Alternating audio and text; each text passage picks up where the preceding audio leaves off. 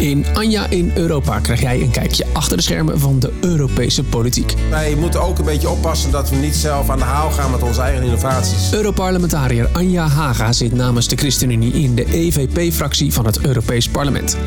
In deze podcast neemt ze je mee bij haar werk in dit grote politieke instituut. Dag Anja.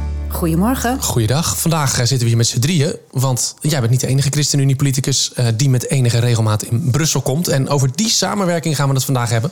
Bij ons aan tafel dimissionair minister van Landbouw, Natuur en Voedselkwaliteit, Piet Adema. Welkom. Ja, goedemorgen. Goedemorgen. Wanneer was jij voor het laatst in Brussel? Vorige week. Vorige week? Twee dagen in Brussel geweest. En waar, uh, waar heb je het over gehad? We hadden naar uh, Landbouwvisserijraad, dat hebben wij heel veel. En uh, we hebben het uh, vorige week gehad over hele belangrijke zaken. Het ging over de nieuwe genomische technieken. Het ging over gewasbescherming. het ging over de toekomst van de landbouw. Hè. Onder andere Van der Leyen, de eurocommissaris en voorzitter van de raad van de commissie... die wil een landbouwdiscussie gaan starten. Daar hebben we het ook in de landbouwraad over gehad. Waar moet het heen met de toekomst van de landbouw? Welke elementen moeten daar goed in, in komen? Dus we hebben, het, uh, we hebben het over de bossenmonitoring gehad, ook heel belangrijk. Dus uh, het is altijd een hele scala aan onderwerpen ja. wat voorbij komt. Ja. Als jij in Brussel bent, heb je volgens mij alleen maar overleggen, afspraken. Die, die agenda zit propvol. Ja, dat is ook de bedoeling. Kijk, Brussel is, gaat ook over netwerken, heb ik uh, gerealiseerd en, en, en uh, gezien. Dat betekent dus ook dat ik naast een formele vergadering ook afspraken heb. Ik heb bijvoorbeeld weer met Sinkevicis uh, gesproken over de garnalensector in Nederland. Eurocommissaris, ja. degene die denkt... Heel goed, ja, ja. heel goed, goed. ja, voor mij is het dan vanzelfsprekend. Maar goed dat je het even, even verduidelijkt aan je. Want uh, ja, de mensen weten dat natuurlijk niet. En ik heb daar met uh, ministers gesproken, ook in de wandelgangen. We hadden ook de start van het nieuwe voorzitterschap. Want elk half jaar is een nieuwe voorzitter. En België startte nu en die had ook een receptie. Dus dan, ja, op zo'n receptie kom ik iedereen tegen. Dus daar ben je ook bezig. Ja. En aan het lobbyen voor belangrijke punten, zeg maar. zoals bijvoorbeeld het recyclen van mest. Een oh. belangrijk punt waar we mee bezig zijn. En daar heb ik ook brede steun voor gekregen van de Landbouwvisserijraad. Uh, maar uh, ja, dat soort dingen doe je dan. En ja. dat is ook inderdaad heel veel in de wandelgangen. Ja, ja. klopt. En, en zien jullie elkaar dan ook veel op zo, in zo'n week? In zo'n periode? In zo'n week uh, tref ik Piet helemaal niet. niet? Want, oh, dat echt kan je een, denken. Ja, dat is een hele andere wereld waar Piet in zit. Met alle ministers en, en de raden. De, alle ministers komen daar in hun eigen raden overleggen over onderwerpen. En dat is ook wel verwarrend. Want dan zie je in het nieuws vaak... oh, is op Europees niveau is dit en dit besproken. En dan denken mensen dat ik daar ook over heb gesproken. Maar dat is helemaal niet zo. Want het Europees Parlement heeft haar eigen commissies en vergaderingen. Dus ik had het ook heel druk. Ja. Vol met vergaderingen. ja. Maar volledig andere vergaderingen. Heel andere onderwerpen. Um, dus wij treffen elkaar op zo'n moment helemaal niet. Je ik tref Piet eigenlijk meer vanuit de partij. Dus als wij partijbijeenkomsten mm -hmm. hebben. Of je zou bijvoorbeeld op een onderwerp... Uh, dat ik bijvoorbeeld rapporteur word op een rapport waarop ik ga onderhandelen. En waar ook ministers op onderhandelen. Meestal doen dat dan ambtenaren uh, die onderhandelen. Maar dan zou je elkaar op zo'n onderwerp tegen kunnen komen. Even moeten sparren. Wat vindt Nederland hier nou van? En hoe ja. gaan we hiermee om? Maar zo'n rapporteurschap loopt op dit moment niet. Dus wij treffen elkaar niet in Niet Brussel, in Brussel. maar in Nederland. Ja. in Nederland, ja. ja. ja. ja. ja zo, zoals ook nu. Ik wil even, even net dat onderscheid gaan maken. Want uh, uh, Anja, jij zit in het Europees Parlement. Dat weten we inmiddels. Jij maakt onderdeel uit, als je daar bent, van de Raad van Ministers. Dat klopt toch? Ja, klopt. Ja. Wat is dat? Kijk, het Europees Parlement wordt natuurlijk direct gekozen. Dat is het, het parlement van, van Europa. Daarnaast heb je de Europese Commissie en de Europese Raad. Uh, de raad, het is eigenlijk de raad van alle landen. Uh, nou, je hebt ook de raad van regeringsleiders. En Mark Rutte gaat vaak naar uh, Brussel toe. dan spreekt hij met alle andere premiers van, en president van, ja. van landen. Nou, en op dat niveau spreken wij ook als ministers met elkaar. Bijvoorbeeld alle landbouwministers komen er bij elkaar, bespreken daar onderwerpen. Vaak is het zo dat de Europese Commissie een onderwerp op tafel legt om te bespreken. Dan bespreken we dat. Vaak vindt dat soort discussies ook plaats in het Europees Parlement. En nou als je dan uh, uh, besluitvorming hebt, zeg maar, dan gaan de commissie en de, het parlement en de raden gaan bij elkaar zitten om met elkaar uiteindelijk een besluit te nemen. De triloog heet dat dan. Dat is ook allemaal nieuw voor mij, maar dat, zo werkt dat. Maar dit zijn dus echt de ministers en die spreken echt landbouwonderwerpen. En zo heb je dus meerdere raden. Je hebt ook een milieuraad. Ja. Dan mijn collega Christiane van der Wal die gaat vaak naar de milieuraad toe om daar allerlei zaken te bespreken over natuur, het milieu enzovoort. Uh, en, en dat zijn belangrijke vergaderingen, want dan zie je wel hoe, hoe, wat de positie van al die landen is. En het is ook voor de Europese Commissie van belang. Ik had bijvoorbeeld vorige week een onderwerp op de agenda staan: recycling van mest. En uh, belangrijk onderwerp, ook als het gaat om uh, een, een, duurzame inzet, zeg maar. En uh, nou ja, alle, alle, landen spreken hun steun uit. Dat is wel een teken voor de Commissie ook om daar toch echt wel wat mee te gaan doen. Ja. voor, voor mij is het wel frustrerend dat als zoveel landen zeggen: wij vinden dit belangrijk, dan heb je nog geen besluit. En dat frustreert wel eens een beetje, maar. Ja, want hoe zit dat dan? Want ik las wel, jullie hebben wel ergens um, beslissingsbevoegdheid. Nou, tot op zekere hoogte. Uh, kijk, wat ik, wat ik uh, zeker, wij kunnen een voorstel kunnen wij, uh, kunnen we ook wegstemmen. maar stel je voor dat wij voor een voorstel stemmen en stel je voor dat het Europese parlement tegen een voorstel stemt, dan heb je daarmee nog niet een voorstel. Dan moet je nog met elkaar in gesprek om te kijken hoe kom je daar dan met elkaar uit. dat is best lastig. En het is ook niet zo dat als bijvoorbeeld, ik, ik heb bijvoorbeeld nu een agendapunt op de agenda gebracht ja. in de laatste vorige week. En uh, nou, daar spreken alle landen die zich uitspreken, spreken zich uit. En je ziet dat er gewoon een hele ruime meerderheid ontstaan van landen die dat voorstel eigenlijk steunen. Maar daar kun je er verder nog niks mee. Want dan is het eigenlijk aan de commissie om dan ook echt te komen met het voorstel. En dan zeggen we, oké, we hebben jullie gehoord. We gaan er een voorstel van maken. En als de commissie zegt, nou, dat gaan we niet doen. Ja, dan, dan sta je nog met lege handen. Dat vind ik ook wel een beetje vreemd eigenlijk. Ja. Omdat zoveel landen dan toch wel zeggen... van ja, we vinden het belangrijk. En toch niet de, de doorzettingsmacht hebben om het ook echt te gaan regelen. Ja, dat is eigenlijk, ergens is dat heel gek. Maar goed, stel dat ze dat dus wel gaan doen. Stel, hè, dan hebben we het even over die mestrecycling. Dat voorstel, dat komt bij de commissie. Die zeggen, ja, we gaan er een voorstel van maken. Dan komt het in het Europese parlement. Klopt dat, Anje? Nou, ook. Want je moet het zo zien. Het is eigenlijk altijd een samenspel tussen de Europese Commissie... Eh, het Europees Parlement en de Raad van Ministers. Dus, want, en die vertegenwoordigen dus de lidstaten. Dus die driehoek, daar moet het in gebeuren. De Europese Commissie komt met een voorstel. En dan zegt het Europees Parlement... nou, vinden we een heel goed voorstel of niet, of we wijzigen het. En wij zouden willen dat het er zo uit komt te zien. En dan zeggen de ministers... nou ja, wij vinden dat het er zo uit moet zien. En dan beginnen de onderhandelingen met elkaar, met z'n drieën. hoe gaat het er nu uitkomen te zien uiteindelijk? En wanneer wordt dat dan een wet? Wanneer wordt dat dan? Nou, dat kan wel een half jaar, een jaar of twee jaar later zijn. En, en, en wie gaat het dan over? Wie, wie, wie, wie geeft uiteindelijk de klap erop? Wie zegt, oké, dit is het, dit gaan we doen? En met z'n allen. Met, met z'n ja, allen? Je zegt dan met elkaar, dit is het akkoord. En dan heb je met elkaar in die onderhandelingen is gezegd, dit is het resultaat. En dan in mijn geval, dan komt het nog in de plenaire vergadering van het Europese Parlement. En daar stemmen we dan nog over. En dan kan je in theorie ja, kan het nog zijn dat je geen meerderheid haalt. En dan is het akkoord wat bereikt is, gaat terug naar de tekentafel. Juist. Maar dat gebeurt zelden. Ja. Um, want je mag aannemen dat de mensen die daar onderhandelen namens het parlement ophalen, weten wat er leeft. En, en nou ja, er komen vaak nog heel veel wijzigingen op ondertussen.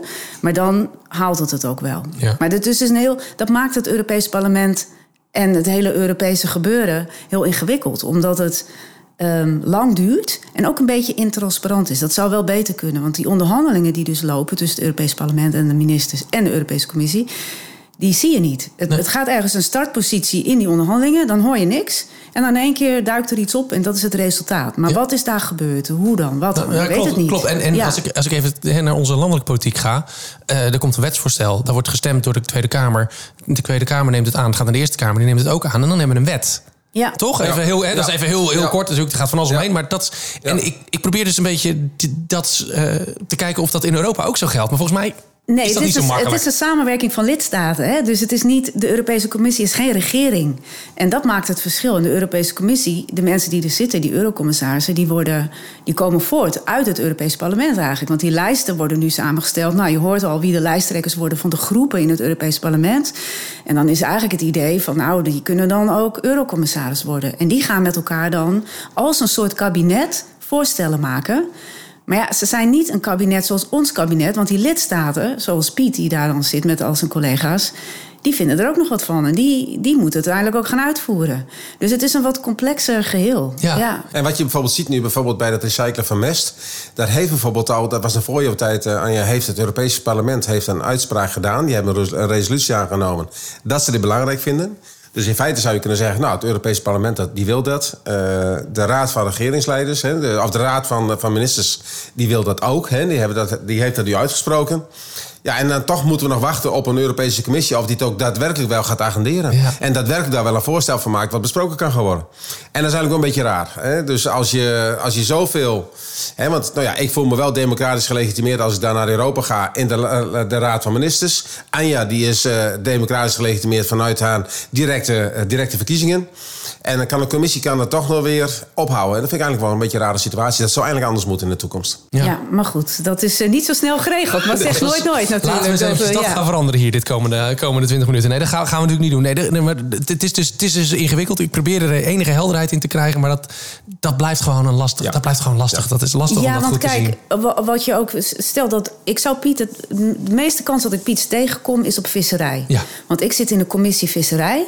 Want Europarlementariërs zitten ook niet aan alle commissies. Want dat zou natuurlijk. Dan moet je met 705 mensen elke keer gaan discussiëren over een onderwerp. Nou, ik zou het je niet aanraden. Het duurt allemaal al zo lang in Europa. Dan gaan we het nog langer maken. Laten we daar Ja. eens even niet in beginnen. Nee. Dus we zijn allemaal onderverdeeld in commissies. En daar heb je het over een onderwerp. Ja. En Piet is ook minister voor Visserij. Dus op dat onderwerp zouden wij elkaar kunnen treffen. Als er een voor- voorstel ligt. wat Nederland heel erg raakt. en waar ik over moet onderhandelen. is op dit moment niet aan de orde. Maar daar zouden we elkaar het meest in kunnen tegenkomen. Maar ik zit bijvoorbeeld niet in eh commissie. Landbouw. Landbouw, ja. Dus ik, dat mestvoorstel wordt nu dan in de commissie Landbouw besproken dat zijn andere Europarlementariërs die dat doen. Ook wel namens mijn groep waar ik in zit. Mhm. hè. Dus de Christen die zit bij de EVP, de Christendemocraten. Dus die hebben natuurlijk wel een vertegenwoordiger daar zitten. En via die route kan ik dan weer wel input geven. Ja. Maar dat is weer indirect. En daar spreek ik dus ook al mee. Hè? Dus ik, eh, natuurlijk, Anja die staat me het meest na van, omdat je vanuit dezelfde partij bent. Maar er, heb- er zijn, er zijn natuurlijk ook andere eurocommissarissen. Bijvoorbeeld als je praat over dat verhaal van de, de messrecycling. Jan Huytema, VVD-eurocommissaris. De Ook uit, ook uit Friesland. eh, Parlementariër, zeg ik dan toch? maar even. Eh, parlementariër. Ja, ja, toch een hè? Sorry, sorry. Nee, maar ik, ik, benoem het even voordat mensen denken: nog een eurocommissaris. Nog één? Nee. Nee, de Europarlementariër collega van Anja die heeft zich daar ook voor, voor, eh, voor warm gemaakt. En daar heb ik ook een contact met hem over gehad. Hoe zouden we dat het beste kunnen doen? Hoe kan zo'n resolutie erin zijn? En ik kan me ook voorstellen dat wij in de komende periode best wel momenten hebben dat je zegt van nou, op het gebied van visserij speelt iets. En eh, dan kan het goed zijn wanneer bijvoorbeeld een Europees parlement ook een resolutie aanneemt. Zoals we in Nederland ook moties aannemen en Ja. een uitspraak doet. eh, die ons weer kan helpen om onze positie in de Landbouw-Visserijraad te versterken. En is het dan op het gebied van visserij voor jou makkelijker dat Anja in die visserijcommissie zit? Maakt het jouw werk makkelijker op de een of andere manier? Ja, ik ben er heel blij mee. Eh, als je kijkt naar de opgaven die er liggen voor de visserij, die zijn enorm. Eh visserij is ook eh, cultureel verbonden in Nederland. Eh, ik vind het ook een belangrijke sector. Ook omdat het gaat om een type voedsel wat een stuk gezonder is dan bijvoorbeeld ander dierlijk voedsel. Hè? Dus ik, ik vind dat de onderscheid moet ik echt maken tussen marinevoedsel en eh landdierlijk voedsel, zeg maar. Dat is echt anders. Maar goed, er liggen ook opgaven als het gaat om natuur, als het gaat om windmolenparken. Dus die energietransitie is belangrijk. Maar ondertussen wordt de visserij ook wel... Ja, die voelt ook wel... Het wordt wel heel makkelijk eh, maar neergezet en we hebben er last van.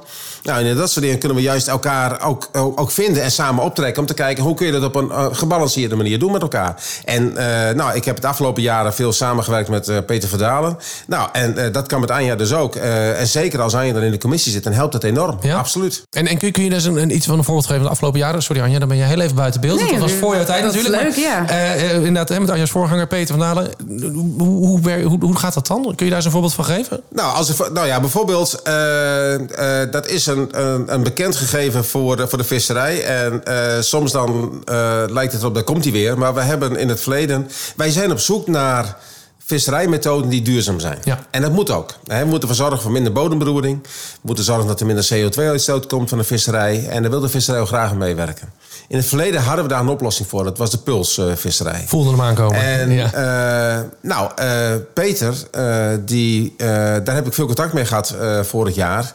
Om te kijken hoe je toch puls weer op de agenda zou kunnen krijgen. Zowel van de Europese eh, parlement als van de Europese Raad. Ja, ja. Eh, en, en hier werkt het net even andersom. Omdat hier de eurocommissaris zegt... ik steun dat puls wel. En de, Europese Ra- en de Raad zegt uiteindelijk ook wel van... ja, vinden we een goed systeem. Hier zegt juist het Europese parlement... ze zei in het Ja, verleden, ja, we willen het niet meer.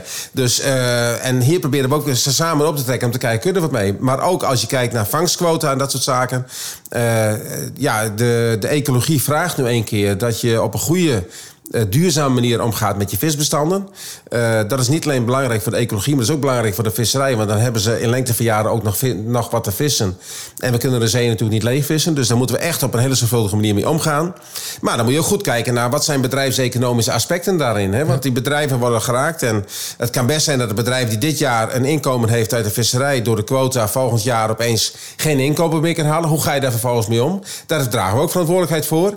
Nou, en daar kun je ook met elkaar weer kijken van wat kun je dan met elkaar doen om, om toch ook daarvoor te zorgen, zeg maar. Ja. En juist ook omdat die lidstaten, kijk, ik zit in het Europees Parlement en dan die pulsvisserij, de Fransen, die, ja, die zijn daar tegen. En het woord puls uh, moet ik niet noemen. Dus dan dat weet Piet wel, want daar hebben we het dan wel over gehad. Hè? Dan in de discussies hebben we het er wel over. We proberen daar wat beweging en, en, en dat ze meedenken wat dan wel kan.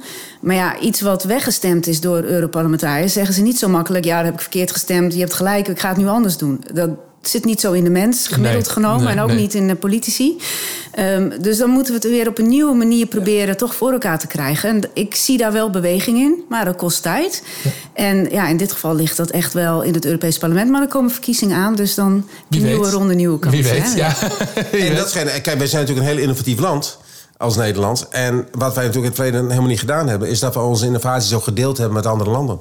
Uh, we Daar is het misgegaan, ja. ja. Dus wij moeten ook een beetje oppassen... dat we niet zelf aan de haal gaan met onze eigen innovaties. Maar dat we de innovaties juist ook beschikbaar stellen... voor breed, voor heel veel landen. Zodat ze allemaal op een innovatieve manier aan de slag kunnen gaan. Dat geldt ook voor de landbouw. Uh, zitten we ook wat op een eiland... en we hebben zoveel te bieden aan de wereld. Nou, dan moeten we dat ook met elkaar durven delen. En dat betekent inderdaad ook, ja... dat ook andere landen misschien economisch sterker worden. Maar dat hoort er dan ook bij. Uh, nou ja, en daar kun je misschien ook, en ik ben ook met mijn Franse minister, collega, aan het praten hierover, om te kijken hoe je die samenwerking ook beter kunt doen.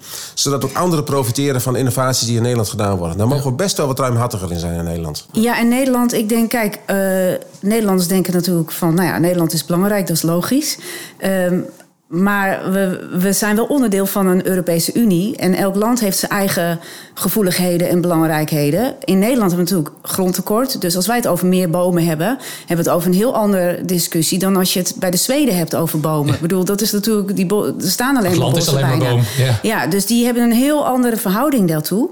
En het is altijd een kunst om op Europees niveau te kijken hoe gaan we nu maatregelen maken die voor heel Europa goed zijn, maar rekening houden met de verschillen tussen landen. En, en dat is, vind ik, ons, onze taak om daarop te kijken hoe kunnen we ook maatwerk. En daar zit echt nog wel een slag uh, in te maken. Daar zit ook wel een soort spanningsveld, heb ik het idee. Want er spelen heel veel belangen, inderdaad. Hè. In, in Europa, allerlei, alle lidstaten. Uh, hoeveel zijn het er inmiddels? Ik, 27. 27, hè? Ja, ik wilde het zeggen, maar ik dacht, ik heb het niet helemaal goed. 27. 27 lidstaten. Die hebben allemaal hun eigen, uh, eigen parlement. Die hebben allemaal hun eigen regering. Regeringsleiders, die hebben allemaal hun eigen belangen spelen. In dat parlement spelen heel veel belangen. Jij hebt natuurlijk, Piet, de, ja, jij bent minister. Dus jij zult ook uh, de belangen van onze regering moeten, moeten vertegenwoordigen. Wanneer, hoe, wanneer, waar wordt dat spannend? Want er zit natuurlijk ergens botstad op de een of andere manier. Klopt dat? Of, of denk ik dat, denk ik dat niet goed? Nou, ik denk dat Anja de, dat hij precies raakt. Uh, ten eerste, als je kijkt naar landbouw en visserij... 80% van het beleid wordt gemaakt in Europa. Dus in Europa moet je zijn van landbouwbeleid. Ja. Uh, en dat is ook wel een beetje het probleem. Uh, er zijn collega's van mij die zijn demissionair nu. En die zeggen, ja, ik heb, ik heb het wel wat rustiger gekregen. Ik niet, want Europa gaat door. ja, ja, ja, en dat betekent, dat gebeurt heel veel. Er zijn heel grote, zware dossiers liggen op, op stapel in Europa. En wat je ziet in Europa, en heeft Anja helemaal gelijk in... is dat er geen riekbeleid wordt bepaald. Dat betekent, we gaan het zo doen en dat geldt voor alle landen hetzelfde. En er zou... Kijk, die doelen moeten we met elkaar bereiken. Die mogen we niet ter discussie stellen. Maar de manier waarop we de doelen gaan bereiken... moet je veel meer kijken naar hoe ziet het land eruit. Nederland is een volstrekt ander land dan bijvoorbeeld Frankrijk. Ja. Als je kijkt naar de uitgestrektheid soms van, van gebieden... ook natuurgebieden in Frankrijk... dat is wezenlijk anders dan in Nederland. De druk op de ruimte is hier groot. We hebben ook nog een hele vruchtbare delta. En die flexibiliteit om het in Nederland op een andere manier te doen... en in Spanje weer op een andere manier te doen... en Italië, hè, daar wordt ook als gedacht van Nederland... wel altijd een uitzondering. Nee, we moeten naar elk land goed kijken. Hoe zit die structuur er in elkaar? Wat, wat past bij die structuur en de karakteristieken van dat land? En hoe kun je dan je doelen te, maar bereiken? En ik vind inderdaad ook, net wat Anje zegt... daar maar meer flexibiliteit, meer flexibiliteit en meer ruimte komen... Ja. Om, het, om het op je eigen manier te doen. En ook echt afgerekend te worden als het niet lukt. Want dat moeten we ook doen. Dat geldt trouwens ook voor boeren. Uh, maar uh, meer kijken naar hoe ziet het land eruit? Wat zijn de specifieke kenmerken? En, en zorg dat, dat, dat je dat beleid... dat je die ruimte houdt om het in te vullen wat past bij je eigen land. Ja. En, en daar moeten de lidstaten ook zelf, dus Nederland ook, uh, zelf alert op zijn. Want die gaan ook wel akkoord met dingen die dan in Nederland heel lastig liggen. En dan kijken ze vervolgens naar Europa. Maar ja, uh, dan heb je daar wel zelf mee ingestemd. Dus dat geldt ook met het halen van natuurdoelen. Uh, ja, daar heb je zelf akkoord op gezegd. Dan had je ook duidelijker moeten zeggen: Nederland is een andere situatie dan nou ja, een Zweden of een Frankrijk. Ja. En als je daar op akkoord op zegt en dan wordt het lastig. En dan vervolgens zeggen het is de schuld van Europa. Dat is dan ook weer niet eerlijk. Dus uh, daar gaat ook iets niet helemaal goed. Dus Nederland wil dan een, uh, van ja, ze houden rekening met ons. Nee, je moet ook je positie pakken en niet instemmen met iets wat niet goed voor je is als land. En als je ermee instemt, ja, dan moet je er ook voor gaan. Als jij naar Brussel komt, Piet, heb je natuurlijk heel duidelijk, je hebt de pet, je bent minister, je bent een Nederlandse minister.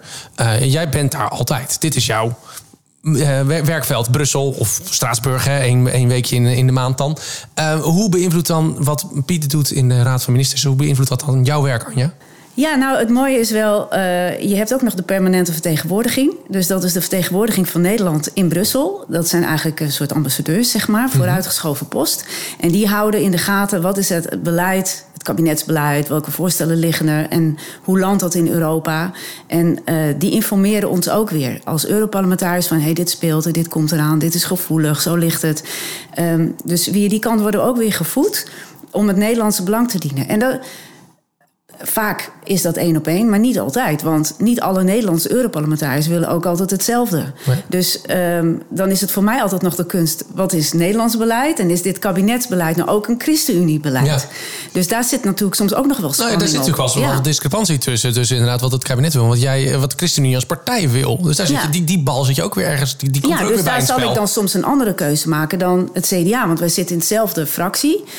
We zitten er allebei namens Nederland, maar we stemmen niet altijd hetzelfde. Nee. Dus dan zie je ook de politieke kleur is uiteindelijk dan weer leidend in een, voor, in, in een voorstel. Ja. En, en, daar heb jij misschien iets meer vrijheid in, Anja, dan dat jij dat hebt, Piet. Omdat jij natuurlijk ook die regering uh, vertegenwoordigt. Ja, natuurlijk. Kabinet. Nou zijn we gelukkig demissionair, dus ik uh, veroorloof me wat meer vrijheid. Lekker. Toch nog een voordeel aan. Nee, maar afgezien daarvan, natuurlijk is het zo. Je zit met elkaar in een... Uh, kijk, een, een kabinet, een coalitieakkoord is niet het einde van alle dingen. Het is, sterker nog, het is een compromis. het is een beetje... Een coalitie, zeg ik wel eens, is een verstandshuwelijk. Dat doe je ook niet uit liefde. Dat doe je omdat het land geregeerd moet worden en je probeert een aantal idealen dichterbij te brengen. Maar soms lukt het ook niet. En soms zit je ook wel in een constructie waar je denkt van ja jongens, en dat voel ik af en toe ook wel. Hè, als ik kijk naar wat er gebeurt en uh, ja, dan denk ik, jongens, ja, uh, had dat niet anders gemoeten? Kan het niet beter anders? Ik stel ook wel eens dingen aan de orde. Bij mijn collega-minister zeggen ja, we hebben dat toen wel zo afgesproken, maar zou het niet beter zus of zo zijn? En Anja, die kan gelukkig met mooi onversneden ChristenUnie-geluid naar Europa toe gaan. Ja. En dat is een andere positie. En ik kan je vertellen, daar ben ik wel eens jaloers op. Want soms ja, zou ik ook wel wat steviger... Ja, tuurlijk, ja. steviger want ik heb, uh, ik ben het natuurlijk, kijk, ik, ik, ik, ja, je tekent voor zo'n coalitieakkoord. Maar het coalitieakkoord is echt anders dan het programma van de ChristenUnie. En ik teken voor het programma van de ChristenUnie. En misschien staan er daar zelfs ook wel dingen in waarvan ik denk van ja, nou, ik had misschien net anders opgeschreven. Maar het is mijn partij en het is mijn programma ook. Ja, hè? Ja. Uh, maar dus mijn akkoord staat veel verder van je af. En ja, dan heb ik soms zelfs de neiging van uh, jongens, zat ik me in de Tweede Kamer of zat ik me in het Europees Parlement? Maar dan kun je tenminste een onversneden uh, ChristenUnie geluid laten horen. Ja. ja, klopt helemaal. Dat is in die zin veel makkelijker. Maar om dingen te bereiken is soms weer moeilijker. Want in een coalitieakkoord heb je al dingen waar je ja. weet, daar heb ik een meerderheid op. In het Europees Parlement moet je altijd de meerderheden nog zoeken. Maar het leuke is ook wel, al zit je met 705 collega's, je kan echt bij stemmingen, die ene stem kan het verschil maken, omdat je geen coalitie hebt in het Europees Parlement. Um, dus Nee, jij hoeft niet met, met de EVP-fractie per se mee te stemmen. Nee, dat vinden ze natuurlijk wel prettig als ik ja, dat tuurlijk, doe. dat snap ik en ook dat wel. zal ik op veel onderdelen ook wel doen. Dat begrijp ik. Ja, ja, dat zal ik op veel onderdelen ook wel doen als het een goed voorstel is. Maar als ik denk, ja, dit gaat in tegen de ChristenUnie-lijn, uh, dan stem ik ChristenUnie-lijn. Ja. En uh, dat doen andere uh, Europarlementariërs ook. Dus je hebt bij onze stemmingen echt dat het gewoon op één stem verschil iets aangenomen wordt of niet. En dat zie je in Den Haag veel minder, omdat alles al in de coalitie, dan weet je al wat de coalitie doet of niet. Ja. En in het Europees Parlement kan dat echt erop omhangen wat het wordt. En ook omdat je mag onthouden. Hè? Je mag voorstemmen, tegenstemmen en je mag onthouden stemmen. En dat is ook anders dan in Nederland, want dan kan, kan dat niet. En bij onthouden is eigenlijk dat je zegt, ja, ik ben eigenlijk voor het voorstel, maar er zitten onderdelen in waar ik niet voor ben. Uh, dus ik kan het niet helemaal omarmen. Nou, dan doe ik Dan stem ik een blan- blanco stem is dat dan doe ik een eigenlijk, toch? blanco Blanco- stem. blanco stem, en die ja. telt dan ook niet mee. Maar ja, in het totaal kan het daardoor dus wel zo zijn... dat een voorstel het niet haalt. En dat gebeurt wel. Ja. Dus bij ons En- zijn de stemmingen echt heel spannend. En dat hebben wij dus ook. Hè? Want ik, eh, eh, eh, ik kan inderdaad... eh, een Tweede Kamerlid kan ze niet onderhouden van stemmen. Het is of voor of tegen. Of we moeten de zaal Ja, uitlopen, zeggen, zeg je moet maar. in de- Dat is ook nog een Ja. Per mogelijkheid. ongeluk in de trein zitten, toch? In de trein zitten Precies, bijvoorbeeld. Ja. Eh, maar in de landbouwraad kan ik bijvoorbeeld mee onthouden van stemmen. Eh, dus daarmee kun je wel een heel helder signaal afgeven. Ik heb het bijvoorbeeld gedaan met de verlenging van glyfosaat. Ja. Waarvan ik vond dat de commissie veel, veel te vergaande voorstellen eh, had. En ik heb gezegd, ik, eh, en dat was ook de eerste keer dat een landbouwminister van Nederland ook het advies van de commissie niet opvolgde. Ja. Maar ik heb gezegd, ik volg het dit keer niet op omdat ik het te ver vind gaan. Ja. En eh, er moet beter onderzoek komen enzovoort. En, ehm, dus dat kan, die ruimte heb je en daarmee kun je wel een statement afgeven. En dat is op zich wel fijn als, als minister. En dat, heb ik, en dat hebben we in Nederland inderdaad niet. Nee. Even over dat landbouwbeleid. Want er wordt voor landbouw ontzettend veel besloten in Europa. Nou, jij zei het net al, ja, mijn, ik ben demissionair, maar niks, niks rustiger. Ik heb het nog net zo druk. Waarom is landbouw zo'n Europees thema? Dat, dat begrijp ik nooit zo helemaal goed. Hoe komt dat? Ten eerste is natuurlijk eh, eh, de Europese Unie gestart met, die- met die economische samenwerking. Eh, landbouw is een, belangrijke pijler in de economie. Dat is wel wat veranderd in de loop van de jaren. Ja. Maar in die tijd dat de Europese Commissie startte, was landbouw een hele belangrijke pijler. Er is ook, we kwamen natuurlijk ook uit de situatie van een opbouw. de bevolking groeide. We hebben Sikkel Mansholt gehad als Eurocommissaris Landbouw, die ook een Europees landbouwbeleid heeft ingezet. Van intensivering, Ja. schaalvergroting en dat soort zaken. In die periode, in de eerste periode, was het ook noodzakelijk om ervoor te zorgen dat, eh, dat je ook eh, alle monden op de wereld kon voeden. Eh, niet alleen in Europa, maar ook daarbuiten. Nou ja, we hebben nu gezien dat het tegen zijn grenzen aanloopt. Maar kijk, ook, ook als je kijkt naar bijvoorbeeld de ecologische effecten van de landbouw, dat ge- houdt niet op de grenzen. Dus daar zul je ook met elkaar afspraken over moeten maken. Ehm, en dus zo is het uiteindelijk ontstaan. En vandaar dat we een gemeenschappelijk landbouwbeleid hebben. Ehm, en ja, dat, dat gaat nog steeds zo. Ja. En, en ik vind ook wel dat we. Ik, het, vind het ook wel goed. Al is het wel zo dat ook hier geldt dat een aantal maatregelen die genomen worden op Europees niveau. eh, ja, soms voor onze boeren echt anders uitpakken dan voor de boeren in Frankrijk. En, en je ziet ook wel eh, achter besluiten die genomen worden of achter bewegingen die er ontstaan zie je ook wel dat. Kijk, Nederland heeft natuurlijk een enorme eh, landbouwsector opgebouwd. En nou, we zitten aan de grenzen, dat weten we. Er moeten, wat- er moeten dingen veranderen. De landbouw moet verduurzamen, geen misverstand erover. Maar dat heeft ook wel in andere landen wel een beetje kwaad bloed gezet. Van moet je eens kijken hoe die Nederlanders pro- produceren, efficiënt. eh, ja, en hun boeren konden dat niet. Dus er, is ook wel, er zijn ook economische belangen die nog steeds spelen. Hè? Je hebt ook de ecologische belangen, maar soms worden die ook wel eens misbruikt om economische belangen veilig Ja, te stellen ja, ja. van eigen landen, zeg maar. Ehm, maar het is op zich wel goed dat er landbouwbeleid is. En ik vind het ook belangrijk als je kijkt naar de hele ontwikkeling rondom klimaat. Klimaat. Ja, als je in, in Spanje kijkt hoe, hoeveel droogte daar nu is, eh, daar kan misschien wel veel minder verbouwd gaan worden in de toekomst. Misschien moet je daar veel meer kassenbouw hebben. Misschien moet je wel eh teelten gaan verplaatsen door Europa heen. Omdat eh, nou, uiteindelijk moeten we natuurlijk zorgen dat die klimaatproblemen opgelost worden.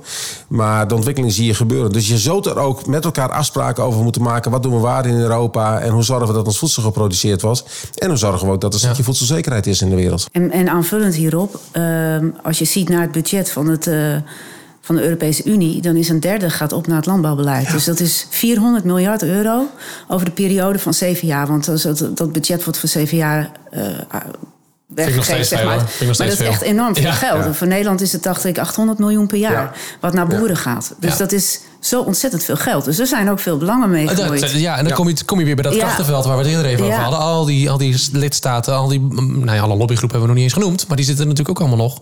Eh, ja, dat, het gaat gewoon om zoveel Ja, en je geld voelt dan. nu dus dat boeren, die voelen wel... ja, hier gaan misschien verschuivingen plaatsvinden. Ja. En wij zeggen, ja, dat, dus dat geld, dat hoeft niet minder te worden. Maar we willen wel dat dat richting vergroening gaat. Dus dat boeren ook beloond worden voordat ze verduurzamen, vergroenen. En dat ze daar goede boterham uit kunnen verdienen. Zeker jonge boeren. Dat die weten, hé, hey, ik kan een mooi duurzaam bedrijf neerzetten. Nou ja, en dan, daar zou de regelgeving op Europa echt nog meer flexibeler en... en richting vergroening moeten. En meer mogelijkheden. En daar loop jij al tegenaan met die ecoregeling. Ja. Dat je te weinig geld hebt. Boeren willen dat. Mhm. Ja. Is het te Oh weinig ja, geld? En dan kan je niet schuiven met de budgetten. Omdat de Europese regels dat niet toelaten. Ja, daar- die kant moeten we echt op dat dat wel kan. Ja, die, ruimte moeten we hebben. Eh, kijk, die eco-regelingen zijn bedoeld dat boeren bijvoorbeeld doen aan weidevogelbeheer. Dat ze bijvoorbeeld doen aan het schoonhouden en schoonkrijgen van het water. Dat ze bijvoorbeeld uh, boomwallen planten, op die manier de biodiversiteit laten toenemen. Of dat ze kruiderij grasland gaan toepassen. Hm, ja. Het zijn hele belangrijke bouwstenen om, een, uh, een, een, om de biodiversiteit te versterken, maar ook een opgave van bijvoorbeeld schoon water en dat soort zaken te kunnen voldoen. En dus willen we graag dat ze dat doen. Uh, en ze tekenen daar fors gelukkig op in. Onze boeren laten zien dat ze echt, uh, echte werk willen maken. Daar ben ik ook wel trots op. Maar ja, dan, dan zegt de regel, want we hadden daar te weinig geld voor. Het was overtekend. Ja. Dus dan moet je alle boeren minder geld geven dan ze van tevoren berekenden. En dan zeggen de regels van ja, je mag niet meer aanvullen. Terwijl we dat geld in Nederland misschien wel willen investeren om die boeren toch. Ja, en dan, dan moet ik dus naar Europa en dat doe ik dus ook. En ik hoop dat we dat, dat, dat kunnen oplossen. Maar je ziet wel een verschuiving en dat is wel goed van. Uh, hè, want in het verleden kregen ze gewoon zoveel geld per hectare en dat was het dan. Gewoon directe inkomsten. Ja, ja. ja. en nu gaan we echt meer naar diensten toe. En we willen, de, de samenleving vraagt van de agrarische sector diensten. Groen-blauwe diensten, om zo maar te zeggen.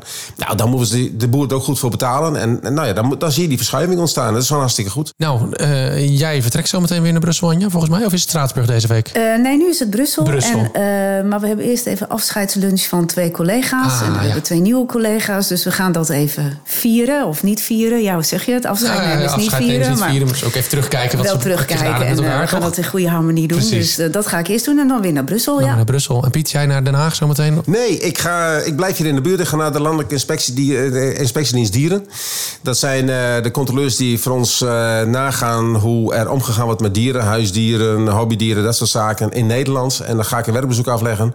Dus ik ga er zo naartoe en dan ga ik ook op pad met de inspectiedienst. Dus vandaar dat ik ook een beetje casual ja. ben. ja, je bent ben niet, in, ministerieel gekleed Je bent niet ministers in pak. en, nee. en daarna ga ik, en dat is ook wel mooi, ik ga het eind van de middag ga ik nog bij een biologische boer langs. Uh, die heeft me heel erg geraakt, omdat hij een keer op een bijeenkomst zei... Ik ben biologisch. Uh, ik investeer in weidevogelbeheer. Ik investeer in groenblauwe diensten. Ik werk, ik werk natuurinclusief. En toch voel ik me bedreigd in Nederland. En toch weet ik niet of, ik wel een, nog een, of er nog plek voor mij is. Terwijl die boeren juist zo hard nodig Ja, ja precies. Ja. En dat vind ik zo mooi dat Simon dat, uh, dat, uh, dat doet. Maar ze hebben de tickets klaar liggen om te gaan emigreren. Bij nee. zo, ja, zover ja. is het. En dat raakte me toen heel erg. Het was ook een heel emotioneel moment. Want het raakte mij ook persoonlijk heel erg. En toen heb ik ook gezegd, ja, als, als het zo is dat zelfs jullie je niet meer thuis voelen in Nederland... dan doen we echt iets volstrekt verkeerd. Dan gaat er iets mis. En uh, nou, dat raakte mij. Dus ik, ik heb gezegd, ik wil gaan een kop koffie mee, met je komen drinken. Ik ben daar vanmiddag om daar gewoon een gesprek van één op één te hebben met die mensen. Zonder pers en toestanden erbij. Maar gewoon eens te horen, waar zit het nou? En ja. wat kan ik nog doen in deze periode? Want ik vind dit heel erg dat het zover komt. Ja. Dat is eigenlijk heel raar. Want dit is, dit is een schoolvoorbeeld. Dit, deze, dit, dit wil je graag. En, uh, en nogmaals, ja. niet iedereen hoeft in Nederland biologisch te worden. We moeten wel allemaal verduurzamen. Alle productie, de hele landbouw moet verduurzamen. De jonge boeren, wat jij ook zei, willen ook heel graag. Maar als dit gebeurt, als, als het zover is dat zelfs, dat zelfs dit soort boeren overweegt om weg te gaan. Ja, dan is er wel wat aan de hand. En, uh, uh, en dan, ja, dan ben ik ook niet de stoïcijnse bestuurder zeggen van ja, dat is nog één keer de regel geven. Nee, dan wil ik weten wat het is. En als ik die mensen kan helpen, ga ik die mensen helpen. Maar het is voor mij ook wel een. Uh, nou ja, als, dat, als, als, als meer beleid dit tot gevolg heeft, dan moeten we echt goed nadenken hoe doen we hier de dingen in Nederland. Heel goed. Ik wens je veel succes vanmiddag dan. Dankjewel. En voor jou ook, ja, ja, dankjewel. Dit is Anja in Europa, een podcast van de ChristenUnie en de EVP-fractie van het Europees Parlement. Mijn naam is Segert van der Linden. Volgende maand staat er een nieuwe aflevering van Anja in Europa voor je klaar. Abonneer je op deze podcast in je favoriete podcast-app, dan verschijnt de aflevering vanzelf in je feed.